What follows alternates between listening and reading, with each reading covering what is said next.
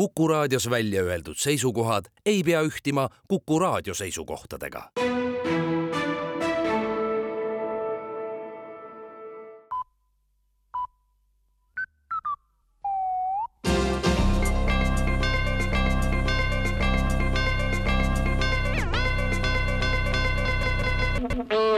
tere uudistestuudiost, mikrofoni ees Rohke Debelak Keskerakonna poliitikute liikumine teistesse erakondadesse, peamiselt sotside ridadesse jätkub. täna astub Keskerakonnast sotsiaaldemokraatide hulka enam kui kolmsada inimest, homme juba kolm tuhat ja järgmiseks nädalaks on sotsidega liitunud ka Mihhail Kõlvart. Kahe nädala pärast on Keskerakonnas ainult üks liige ja selleks on Jüri Ratas, kes ei saa erakonnast lahkuda väärtuste pärast. Kuuldused sellest, et sotside kaudu saab valitsusse, on liikuma pannud aga ka EKRE liikmeid, kes on samuti alustanud erakonna vahetust, sest muul viisil. Valitsusse saamine on erakonnal tulevikus välistatud. kõik EKRE liikmed on sotside hulka astunud kuu jooksul eile toimus ka sotside kriisikoosolek, sest kui Isamaa ja Reformierakond ja Eesti kakssada tahavad ka in corpore sotside hulka tulla, võib lõpuks käes olla olukord, kus sotsid peavad ruumipuudusel sotsidest välja astuma valitsus tegi eile ettepaneku muuta kehtestatud korda, mille kohaselt ei maksta inimesele kinni esimesi haiguspäevi. Kuna selline kord on kaasa toonud nüüd olukorra, kus inimesed käivad haigetena tööl, siis otsustas valitsus seaduses teha paranduse,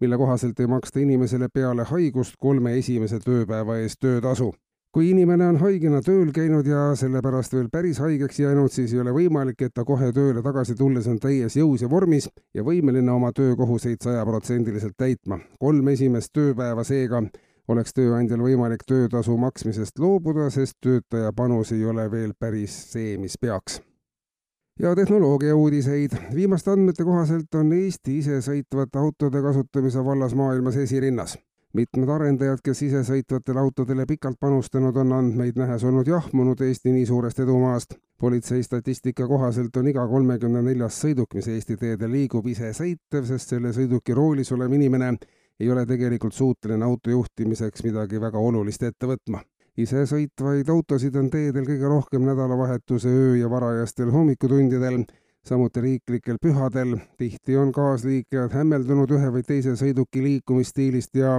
see tuleb samuti veel vähearendatud isesõitva auto arvele panna. sageli leiab politsei, et pärast toimunud avariid pole kedagi roolis või ei oska autos viibinud seltskond enese hulgast leida inimest, kes oleks autot juhtinud. kes isesõitvaid autosid arendab, pole praegu veel selge, ametlik tootja on leidmata ja on alust arvata, et Eesti aladel arenevad autod isesõitvateks iseseisvalt ministeeriumid on aga kätte saanud oma lõplikud koondamiskavad. Lähema paari nädala jooksul selguvad ka täpsemad numbrid, aga juba on teada, et need suurenevad üha. et kärbitavate eelarvenumbritega kaasas käia, on tarvis koondada mahus, mis mitmele ministeeriumile on üle jõu käivad, sest ministeeriumi haldusalas ei tööta lihtsalt nii palju inimesi, kui palju oleks koondada vaja paljud ministeeriumid on lähiajal sunnitud võtma tööle täiendavalt inimesi, sest muidu ei tule vajaminev koondatavate hulk lihtsalt täis praegune vajadus on igal ministeeriumil erinev, kuid keskmiselt vajab üks ministeerium umbes kümmet tuhandet uut töötajat, et eh, neid koondada. ilma selleta ei tuldaks kärpekavaga toime. koondatavate turg on aga praegu pingeline ja koondatavaid vajab hädasti ka erasektor, kus ootavad samuti ees suured koondamislained. seega võib kvalifitseeritud koondatava leidmine osutuda ülimalt keeruliseks ainsa võimalusena nähakse, et riik panustab senisest enam koondatavate koolitamisele hetkel on kõrgharidusega koondatavate järgi lausa karjuv vajadus. sel aastal vajab riik hädasti kahtesadat seitsekümmend tuhandet inimest, keda lahti lasta. tõenäoliselt ilma võõrkoondatavate abita enam hakkama ei saada. eetris olid uudised